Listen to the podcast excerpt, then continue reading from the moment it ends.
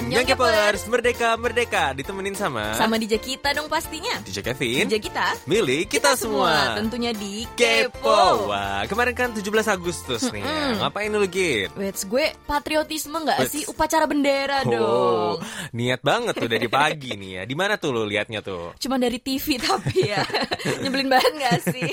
tapi ya selain itu Hari ini tuh hari pertama Asian Games loh Iya, yang pasti pembukaannya pasti heboh dong ya. Pastinya. Dan bangga gak sih bisa jadi penyelenggara gitu kan negara kita gak Hmm, sih ya? Bahkan di depan KBS ada posternya Terus posternya bertuliskan Jakarta Palembang Wait, gitu iya. kan Dan semoga nanti ke depannya nggak cuma Asian Games gak sih World Cup, Olympic sekalian Wait, gak sih Itu amin banget ya pastinya. Mm, aminin Tapi kita mesti masuk daftar dulu dong ya kalau Iya. mau.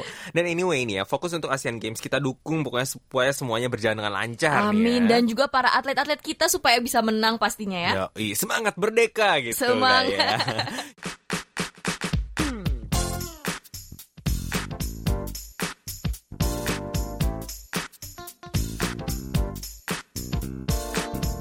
Kupas tuntas berita terbaru Bareng sama DJ kita di Info Selebritis.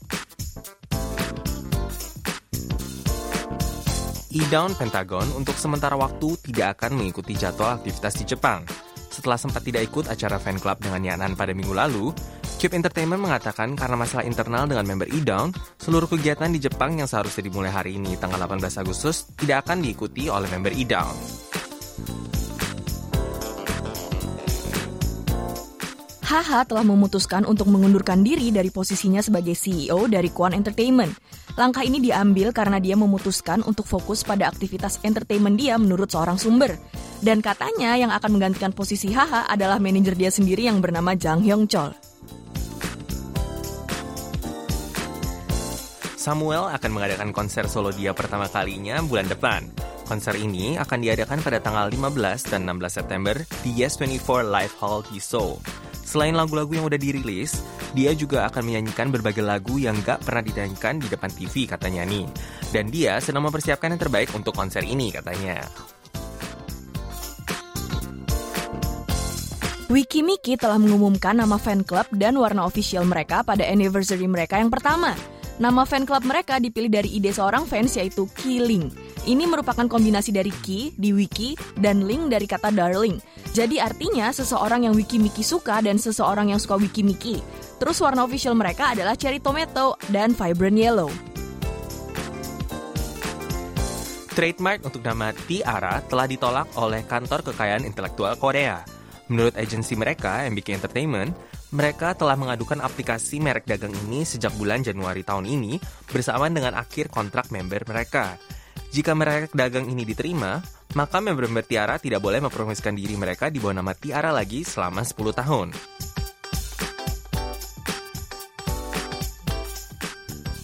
Leo Fix telah memenangkan trofi pertama di acara musik untuk pertama kalinya sebagai solois. Dia menang di acara The Show minggu lalu dengan lagunya yang berjudul Touch and Sketch dan meraih skor 7.490 mengalahkan Card dengan lagu Ride on the Wind dan Lebum dengan lagu Between Us. Aktor Ju Ji Hoon akan menjadi peran utama di drama baru MBC yang berjudul Item. Drama ini rencananya akan tayang pada awal tahun depan dan didasarkan dari webtoon dengan judul yang sama. Dia akan berperan menjadi seorang jaksa bernama Kang Gon dan terlibat kasus bersama barang-barang yang memiliki kekuatan khusus. Dan sekian untuk info selebritis minggu ini. Dear DJ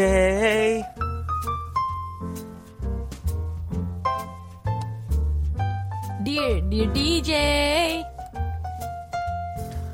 Nah, untuk minggu ini kita akan baca ini ya Dear DJ yang masuk nih ya Nah, yang pertama kita baca ada dari Kanti Rizky Mulyantari ini ya Hai DJ, gimana kabarnya nih? Gimana kabarnya nih DJ kita? ya? Baik. Sekarang ini akhir-akhir ini kayaknya pada ini ya Udah gak ada stres nih DJ kita nih ya Stres mencari pekerjaan sih masih Oh, lumayan. masih. Cuman untungnya karena habis dari sibuk Mm-mm. Terus ya karena agak santai sedikit ya lumayan suka sih sebenarnya Lumayan seneng ya Cuman kayaknya uang di dalam apa namanya rekening berkurang terus aja gitu Hmm, karena biasanya kalau masuk kalau sekolah kan cuma keluarnya begitu-begitu aja sama aja sekarang sama dia aja. jalan-jalan terus soalnya gue kayaknya. gue jalan-jalan terus Mm-mm. enggak lah ya Nah kalau gue sendiri sih baru selesai yang namanya internship Intern. kan ya. Nih makanya jadi gue udah selesai nih untuk intern ya untuk internnya udah selesai. Wait. Baru wajib persisnya kemarin sebenarnya tanggal 17 Ah, nih kan. jadi tinggal bekerja nih ya. Eh, jadi gue tuh merdekanya tuh bersama dengan Wait. Indonesia, gue juga merdeka gitu. ini special day banget buat DJ. Kevin ya Jadi gue hanya menunggu sampai graduation day aja Wait, nih. bareng ya. loh kita akhirnya Ya ampun kita akhirnya graduation bareng nih ya. nangis. Nanti kita ditunggu aja ya foto-foto kita bareng nih ya, graduation bareng ya. Yes. Terus katanya nih dilanjutin, oh kita jadi belum selesai ngomong malah ini ya udah Iya, ngomong aja kepanjangan gitu sendiri ya. Mm-mm. Tadi katanya nih ya, jadi DJ aku mau request lagunya Tiara yang We Were In Love. Terima kasih. Nah nanti bakal kita puterin ya. Dan, kemudian lanjutin nih. Kemudian ada Dear DJ dari Eva Nurjana. Halo DJ Kevin dan Gita, masih inget nggak sama cerita tentang temen yang kalau salah minta diingetin itu? Oh, ingat, ingat, Ingat ingat. dong ya. Dan aku ngikutin saran dari teman-teman Kepers buat coba diemin dia dulu daripada aku makan hati terus-terusan. Awalnya karena emang ada masalah juga waktu itu, jadi dia duluan yang ngejauhin aku. Jadi ya udah deh aku biarin aja dia ngejauh dan selama dua bulanan kita lost contact. Sempet chattingan sih pas aku ultah Dia ngucapin tapi nggak bertahan lama juga chattingannya. Dan selama lost contact dua bulan itu Dia curhat ke teman-teman aku yang lain Yang dulunya nggak deket sama dia Mungkin gara-gara dikasih saran sama yang lain Akhirnya dia mau ngakuin kalau selama ini dia salah Dan minta maaf ke aku Eh seneng banget DJ akhirnya dia bisa berubah juga Walaupun masih butuh proses Tapi aku hargain sih keberanian dia Buat mengakui kesalahan dia Dan mau mencoba berubah Makasih ya teman-teman atas sarannya Sarange katanya gitu Nah, jadi ini kalau misalnya gue mau eh, apa ya recall Review. back nih ya. Kalau nggak salah tuh kalau nggak salah ini temennya si Eva ini. Jadi dia itu ada punya teman baik udah lama, tapi se- dia tuh selalu bilang misalnya, eh kalau gue kalau ada salah kasih tahu gue dong. Begitu dikasih tahu, eh Malah malah, ngambek gitu. ngambekan gitu loh. Lu kan temen gue, masa lu nggak mau menerima gue dengan apa adanya iya, kayak gitu bener, kan? bener, bener. Yang ada kan, ingat. mm-mm, yang ada kan kayak jadi sakit hati gitu nggak sih sebagai temennya. Nah jadi dia waktu itu kan ny- nanyain gitu eh, lewat DJ gimana nih caranya dan dibantuin sama K-popers yang lain masukin saran-saran mereka eh, dari ini kan para K-popers nih ya. Dan dia ikutin nih. Jadi makanya yang ada temennya malah eh, jadi minta maaf sama dia iya, kan ya. jadi sebenarnya ini terbukti berarti saran-saran Kepors tuh sebenarnya Hmm. eh, manjur nih ya. Bener nih ya. Dan itu juga kalau kalian mau dapet saran-saran yang lain juga bisa masukin aja gitu kan ya. Walaupun saran-sarannya dari DJ DJ aja sih sebenarnya sekarang nih ya. Cuman yang ya. nggak punya license apa-apa ya, nggak punya license psikiater atau psikolog. Cuman manjur loh. Mm, Dan yang pun kita jadi kayak denger update gini dari si Eva gitu kalau misalnya ini berguna gitu kan kayak seneng, Seneng gak sih? juga nggak sih Kepors juga seneng nggak sih pastinya udah ngasih saran dan sarannya berguna kan? Betul, bisa membantu teman gitu kan ya. Bener nah, banget. terus tadi kan dia bilang nih ya, eh, temennya akhirnya bisa berubah juga gitu. Kita bisa sampai merubah orang lain ya, dan sifatnya jelek jadi bagus gitu kan ya. Memang Apakah memang karena kita mungkin acara kepo itu ini ya mendidik ya, mendidik, berguna, mendidik gitu ya buat persahabatan gitu. Begitu. Wow. Oke, terus gua Ini mau kita muji diri sendiri loh by the way. selalu ya kita ya selalu gitu sih memang ya. Eh, kemudian yang selanjutnya nih, gue bacain nih ada dari Novi Eka nih ya. Di DJ mau tanya dong, kalau DJ lagi bad mood, senengnya ngemil apa nih katanya Uh, nih? Emang DJ Kevin ngemil apa? Hmm, DJ Kevin ngemil banyak nih. Oh ya. gitu ya. Lu dulu dong kalau gitu yang mulai. gue Heeh. gue tahu nggak sih lo lo lo nonton ini nggak sih Hyori Minbak atau ini lo acara Ihyori sama Isangsun itu kan Mm-mm. nah waktu itu ada Ayu kan di situ Heeh. dan Ayu tuh sering makan coklat Mm-mm. gitu dan gue jadi nyoba gue biasanya nggak bukan coklat fanatik gitu-gitu Oke. kan cuman karena Ayu makan coklat terus gue jadi ikutan beli coklat tuh ceritanya Intinya DJ Gita ngikutin Ayu ya.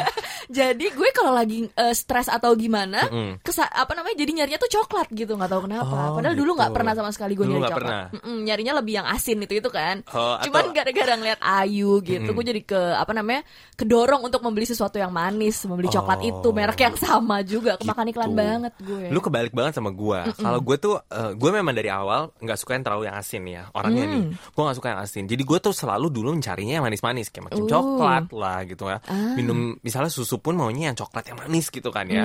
Nah tapi gue tuh merasa banget nih ya. Dulu tuh gue nggak ngerti kenapa sih orang-orang tuh suka makan yang pahit gitu loh. Gue paling benci yang namanya pahit-pahit gitu loh. Hmm, ada contohnya nggak misalnya Misalnya kayak apa sih Ice americano Ice gitu, americano, ya. hmm. Atau ya apalah yang kayak manis-manis yang asam eh, yang asam atau yang pahit gitu kan ya. Gue tuh dulu nggak ngerti kenapa orang-orang suka gitu kan ya. Karena gue manis banget orangnya gitu kan ya.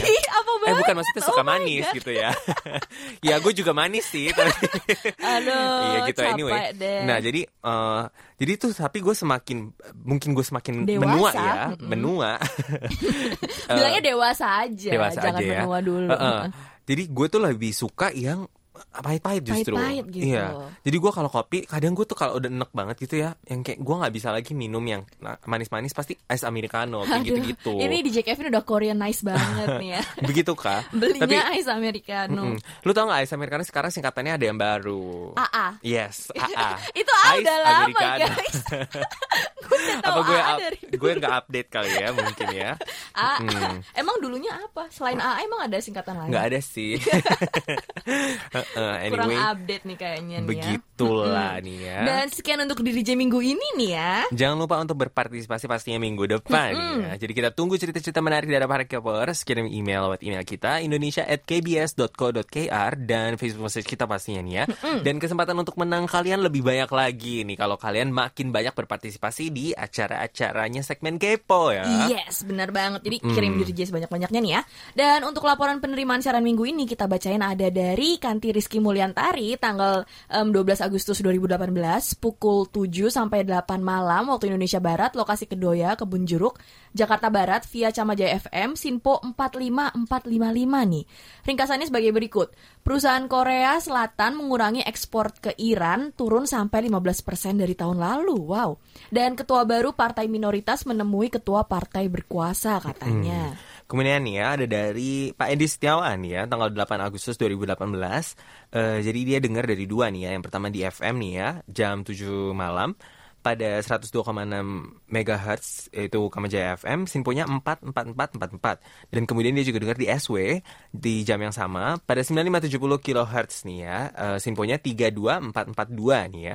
Kemudian komennya setelah sukses dengan pembaruan situs KBS World Radio Indonesian sekarang giliran melakukan pembaruan kualitas siaran KBS WRI di SW mengingat tidak semua para fans KBS World Indonesia bisa memantau KBS World Indonesia melalui situs atau melalui Camajaya FM. Semoga laporan ini bermanfaat untuk membantu pembaruan kualitas penerimaan KBS World Indonesia di SW yang selama ini didambakan oleh sebagian besar pendengar yang hanya bisa memantau KBS WRI lewat SW. Nanti kita sampaikan ya pastinya Hmm, ya. Pastinya.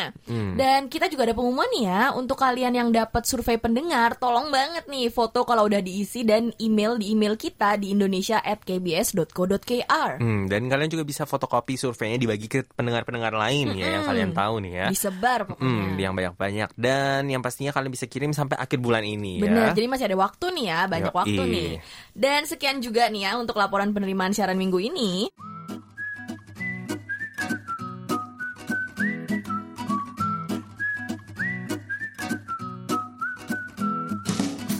Hai Kepoers, kemarin kan kita sempat ngebahas nih yang namanya gerakan no makeup nih ya. Ingat gak nih? Ingat gak nih DJ kita nih? Ingat banget dong ya. Ini seru nih lumayan topiknya waktu itu Hmm. nih ya. Dan jadi kalau mau di-review nih ya, cewek-cewek itu merasa terbebani dengan standar sosial di mana mereka harus tampil cantik gitu tuh. Hmm.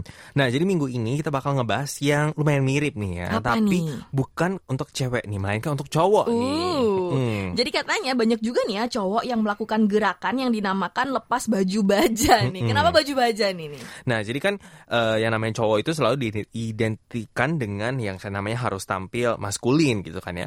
Harus kuat gitu, harus tegas gitu kan ya. Nah, jadi mereka merasa kalau ada beban gitu nih yang kayaknya dia harus kayak keras layaknya baju baja gitu kan Uh, ya. jadi ini lebih ke personality nih ya. Hmm, Bukan personality juga, mungkin dari penampilan dia gitu kan Ah, ya. Oke oke. Eh, Mm-mm. Nah jadi dengan maksud untuk membebaskan mereka dari batas-batasan seperti cara berpakaian, cara berbicara ataupun hobi mereka juga nih. Betul. Misalnya nih ya, eh, yang namanya hobi balet gitu kan ya. Itu kan selalu identik dengan wanita gitu kan ya. Jadi banyak dari mereka yang kayak ngerasa kalau mereka nggak bisa mencari jati diri mereka karena hobi balet itu nggak bisa gitu dia lakuin dengan bebas Hmm, gitu. I see, I see. Hmm. Padahal balet itu sebenarnya buat cowok itu eh, susah banget Susah juga loh ya. banget ya. Eh, Dan balet itu termasuk sport juga loh nih ya. Dan nggak harus cenderung untuk wanita juga. Betul. Terus misalnya nih ya, kalau misalnya ada cowok yang nggak boleh yang namanya berambut panjang gitu kan ya, atau nggak boleh yang misalnya cat rambut, misalnya pakai anting gitu kan, ataupun misalnya berdandan gitu kan ya. Terutama seiring dengan meningkatnya tren-tren K-pop nih ya dan juga cowok yang grooming. Sebenarnya semakin banyak cowok yang merawat diri juga. Cuman masih aja dianggap aneh kan sebenarnya. Betul. Padahal merawat diri itu perlu banget loh. Betul. Mm-mm. Dan juga eh, kenapa gitu harus dibatas-batasin seperti ini gitu Mm-mm. kan ya. Nah, jadi kalau gitu kita mau juga nih ya, kalau pendengar Indonesia sendiri menghadapi gerakan-gerakan seperti ini nih tanggapannya apa gitu kan ya penasaran banget kan ya. Mm-mm. Dan yang pertama ada dari Minlin, menurut saya tidak masalah untuk laki-laki mengekspresikan diri sejauh tidak berlebihan ya. Hmm. Sekedar untuk memakai aksesoris, baju warna-warni dan lain-lain, tidak menjadikan orang yang memakainya menjadi seperti wanita.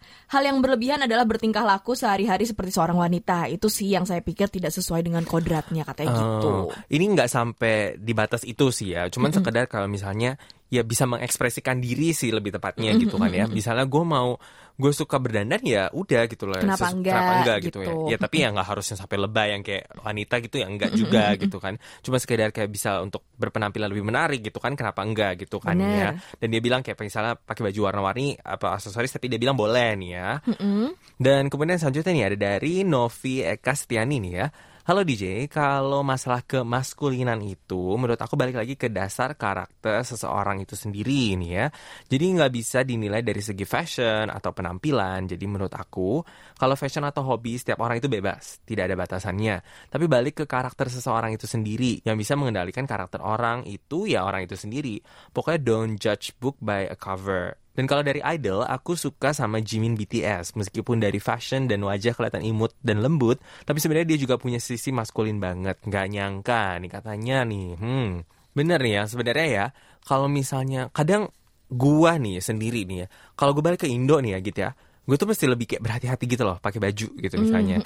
Karena eh, misalnya orang yang bisa ngeliat kayaknya gue lebay gitu pakai bajunya, Iya, iya, padahal bener, di sini biasa aja gitu kan ya. Tapi emang gue mengerti banget sih. Soalnya misalnya ada cowok pakai baju warna pink aja gitu. Di Indonesia kadang-kadang masih banyak orang yang ih apa sih kok Iya, iya, feminim exactly. banget sih? Padahal pink itu bukan warna perempuan pink itu warna semua gitu kan. Tidak Bener. melihat gender eh, cowok atau eh, perempuan Betul gitu. Sekali. semua orang bisa pakai sebenarnya. Cuman kenapa cowok pakai baju warna pink aja kok digituin sih kenapa pandangannya seperti itu kan itu yang sebenarnya eh, cowok-cowok ini mau melepas si baju baja itu kan Bener. sebenarnya Bukan sekedar yang kayak misalnya gue mau kayak wanita gitu ya, enggak, Enggak juga, juga. gitu. Cuman kayak sekedar gue mau lebih bebas lah mengekspresikan diri gue gitu mungkin banget. ya. Mm-mm. Dan selanjutnya dari Kuni Sangadati nih, Hai DJ, cowok lemah lembut dari sifat harus sih menurutku, tapi harus juga tetap tegas dalam sikap. Harus kuat nih maksudnya ya. Jadi kalau selera berpakaian atau berdandan ya sewajarnya saja lah. Yang penting tetap tahu diri yang sepantasnya untuk cowok. Mm. Lumayan setuju sih, tetap tahu diri juga yang sepantasnya untuk cowok. Pasti cowok-cowok juga ngerti lah ya yang Iya. sepantasnya untuk dia. Itu mah kalau misalnya dia udah nggak sepantasnya gue sih ngeri juga ya. Gue nggak mau juga ya deket-deket ya. Kayak nggak sampai lebay-lebay kayak Bener, gitu nih ya. bener.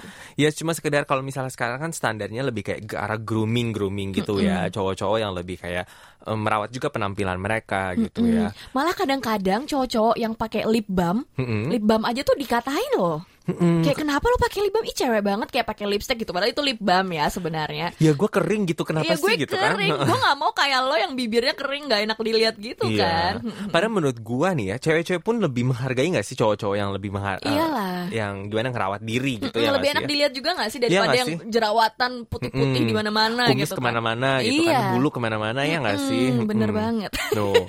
Nah kemudian nih ya dilanjutin ada dari Visti Desinta nih ya Hai DJ kita Kalau yang disebut batasan tak tertulis agak susah mengukurnya memang nih DJ ya. Karena semuanya balik lagi ke sudut pandang tiap individu.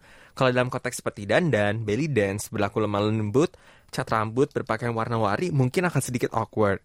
Cuma menurut saya kalau dalam batas wajar ya no problem. Karena dunia fashion sekarang lebih beragam. Cowok nggak harus identik dengan warna hitam atau warna gelap. Tapi kalau tingkah laku lemah lembut ini saya masih agak ragu. Kalau lemah lembut di tempat dan waktu yang tepat it's okay. Cuma kalau ketika melindungi diri sendiri atau orang lain harusnya sisi maskulin yang muncul.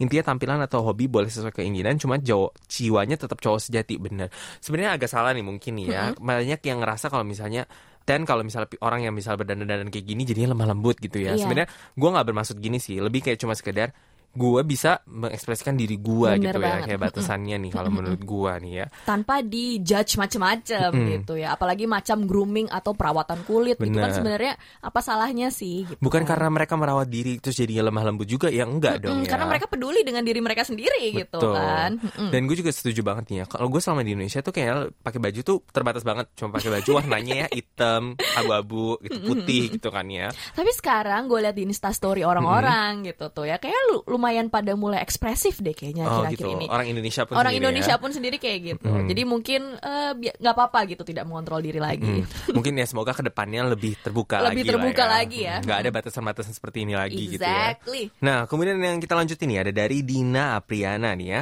Anyong DJ, kalau menurut aku nih ya, kemaskulinan cowok itu memang pasti dilihat dari cara dia berpakaian, tingkah laku dan lain-lain. Kalau soal peraturan yang melarang pria melakukan belly dance atau berdandan hanya untuk terlihat maskulin sih nggak masalah, asal masih dalam batas yang wajar. Kalau dalam Islam sih memang dilarang kalau cowok suka berdandan dan bertingkah laku seperti wanita, misalkan menindik kuping agar bisa memakai anting, itu memang dilarang. Jadi intinya kalau masih dalam batas yang wajar dan tidak melebihi ya it's okay, no problem. Karena pada dasarnya lelaki juga mempunyai hak yang sama seperti perempuan gitu. Nah, ini gue suka nih yang terakhir nih ya. Karena pada dasarnya lelaki juga punya hak yang sama seperti perempuan, bener nih. Kenapa mesti dibeda-bedain gitu kan ya? Bener banget. Pada Kenapa, maksud, oh, kenapa? Kenapa banget yang kecewean kalau di cowok itu seka- seakan-akan kayak nggak banget gitu kan nggak Mm. boleh juga nih ya. Ya jadi kadang gini ya, gue ngerasa gini, yang namanya cewek itu punya, let's say, baju pun ya, punya begitu banyak yang namanya model-model gitu segala macam yang kalian boleh pakai kan ya. Sedangkan cowok itu lebih terbatas gitu kan ya. Cuma kita cuma sekedar pengen warna yang lebih banyak lagi, kok dijudge juga gitu ngerti gak sih?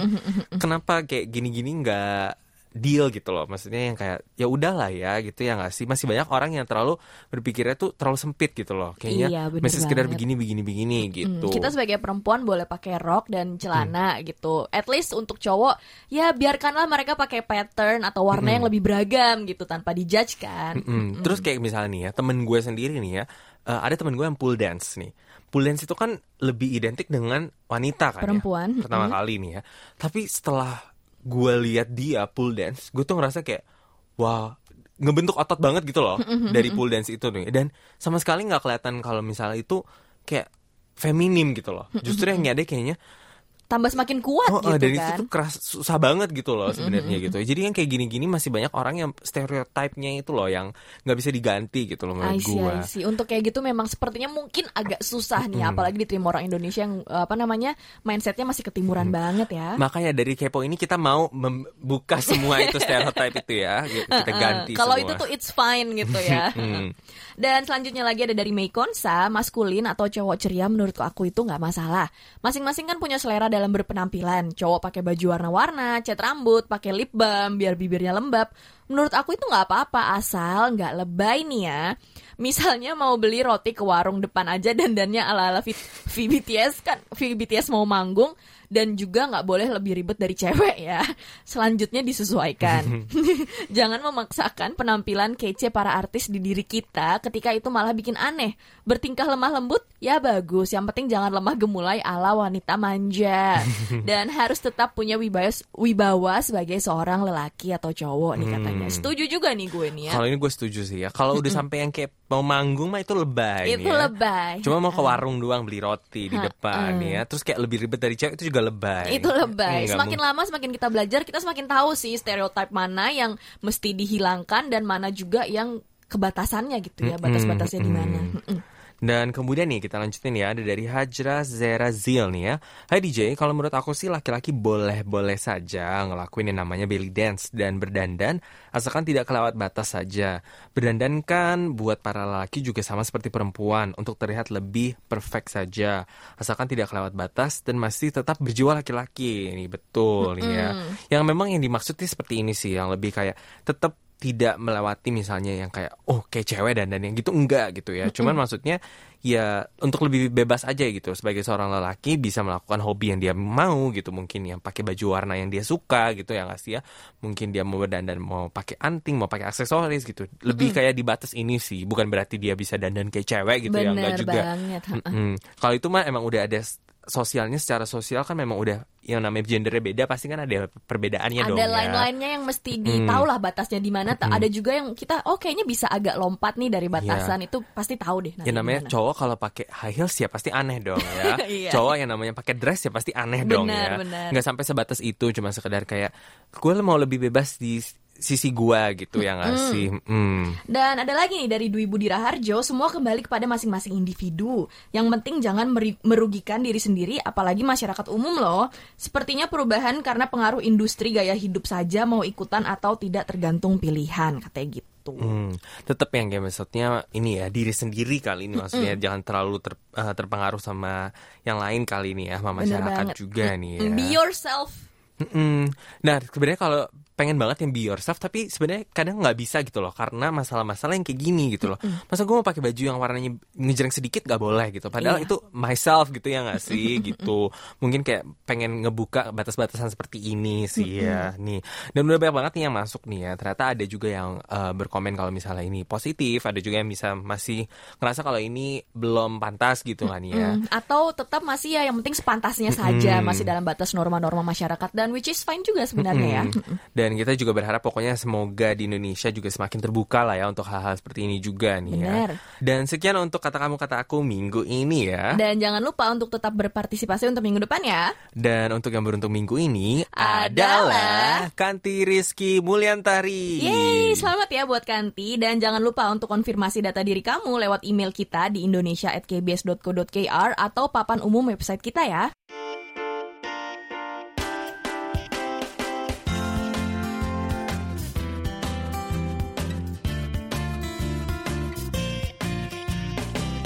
Amel Annyeong. Annyeong nih Kevin, ini kita.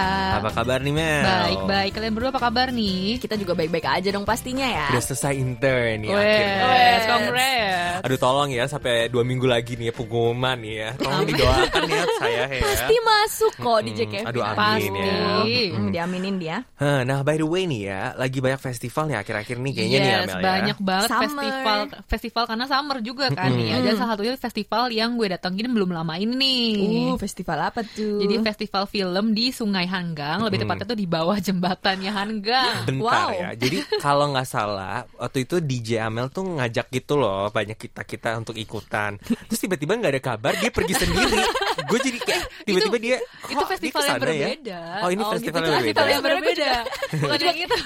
Tapi gue kayak gue ngeliat instastorynya Amal kan ini Oh jadi Amal pergi sendiri ya Iya, Ya udah deh tolong gitu. jangan salah paham ya Itu acara yang berbeda guys Oke. Gue juga gak jadi pergi ke acara yang waktu itu Oh, Ya tapi kan movie-movie juga mirip-mirip Iya, gitu ya. sih ya Klarifikasi mirip-mirip dong, juga. klarifikasi. Iya mohon maaf ya Tapi yang kali ini tuh bukannya Jadi yang tadinya gue ajak itu Mm-mm. sama kalian itu kita tuh nonton film di atas air gitu. Oh, oke. Uh. Tapi kalau yang sekarang gue tuh datang ke festival film di bawah jembatan. Wow Di bawah jembatan nih ya. Kok kedengarannya menarik banget nih ya. Mm, Dan ini yang gue lihat di instastory lo itu Bener nih, Amel.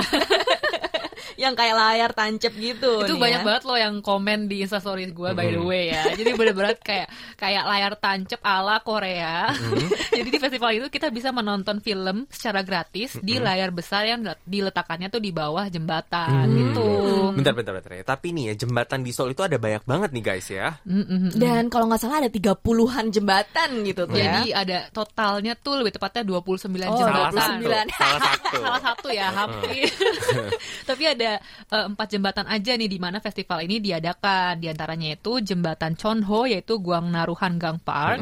Jembatan Chongdam yaitu Tuksom Hanggang Park. Jembatan Wonhyo yaitu Yoido Hanggang Park. Dan terakhir di Seoulham ini bukan jembatan sih yaitu Mangwon Hanggang Park. Oh, jadi hanya di tem- empat tempat aja nih ya. Cuman lumayan sih empat tempat daripada cuma di satu jembatan gak iya sih? bener banget. Dan film-film yang ditayangkan itu sama semua atau beda-beda nih? Beda-beda dong pastinya ya. Jadi selama lima minggu festival ini diadakan, film yang diputar per minggu itu beda-beda nih Git di setiap jembatannya, setiap venue-nya. Jadi Uh. kalau misalnya kita buka websitenya I Soul You atau websitenya Hanggang, kita tuh bisa cek film-film apa aja yang ditayangkan gitu. Oh. Jadi misalnya kalau gue mau nonton film A gitu ya, gue tinggal lihat aja nih kapan dan di mana film itu diputerin gitu ya. Iya, Atau bener misalnya gue lagi lihat di sini gitu, eh nggak menarik, gue tinggal pergi ke tempat yang lain Bener aja. banget, gitu bener ya. banget.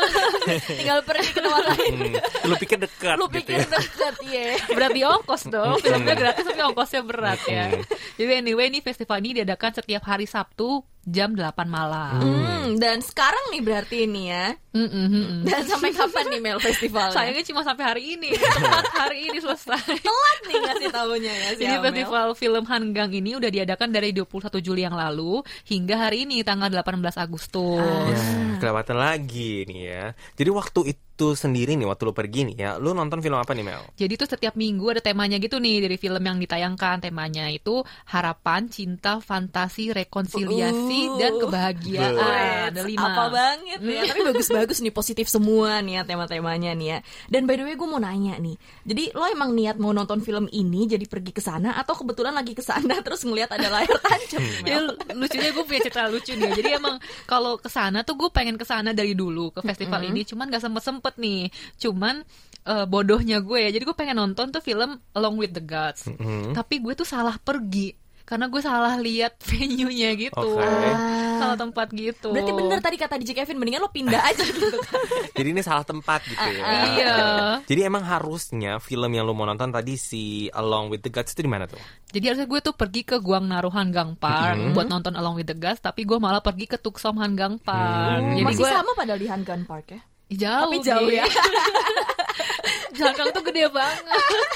Makanya gue jadi nonton Space Brothers itu di Tuksom. Tapi untungnya masih ke tempat di festival itu nggak sih? Di festival si layar tancap itu Iya. diadakan. Kalau bener-bener salah tempat kan sedih gitu kan. Tiba-tiba ke jembatan gak ada apa-apa Iya, gitu nggak kan ada apa-apa sedih gitu kan juga sedih ya. banget Bersyukur sih. aja deh gue ya.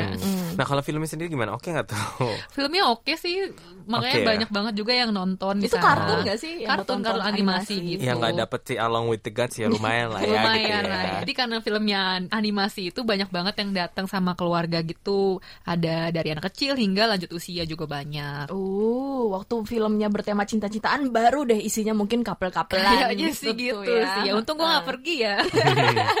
Tapi enak banget loh kita bisa nonton film gratis, terus bisa gelar tiker sambil makan chicken, pizza dan Hmm. lain-lain. Wow. Nah kalau di sana pasti enak nih ya malam-malam gitu ya, walaupun panas, agak lumayan panas pasti nggak sih Panas waktu itu ya. sih. Tapi nggak digigit nyamuk kan ya? Nggak ada nyamuk Nggak ada nyamuk, di karena nyamuk aja kepanasan ya.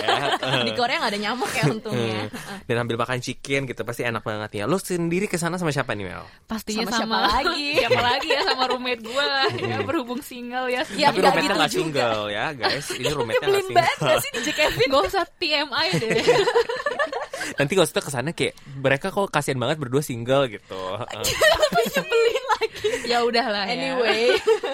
Tapi kenapa enggak gitu kan sama best friend forever Hmm. gitu kan Yoi. ya perginya. Seenggaknya nggak sendirian nggak sih? Dan anyway penasaran banget nggak sih? Gua pun penasaran ya sama foto-foto layar tancap ala Korea nih ya. Bisa dilihat di website kita kan pastinya. Yo, dong seperti biasa foto-fotonya bisa dilihat di world.kbs.co.kr slash Indonesian. Oke deh Mel, thank you banget ya buat cerita hari ini nih ya. Dan ketemu lagi minggu depan ya. Sip, sampai ketemu lagi minggu depan ya Kepers untuk kamu dari Korea.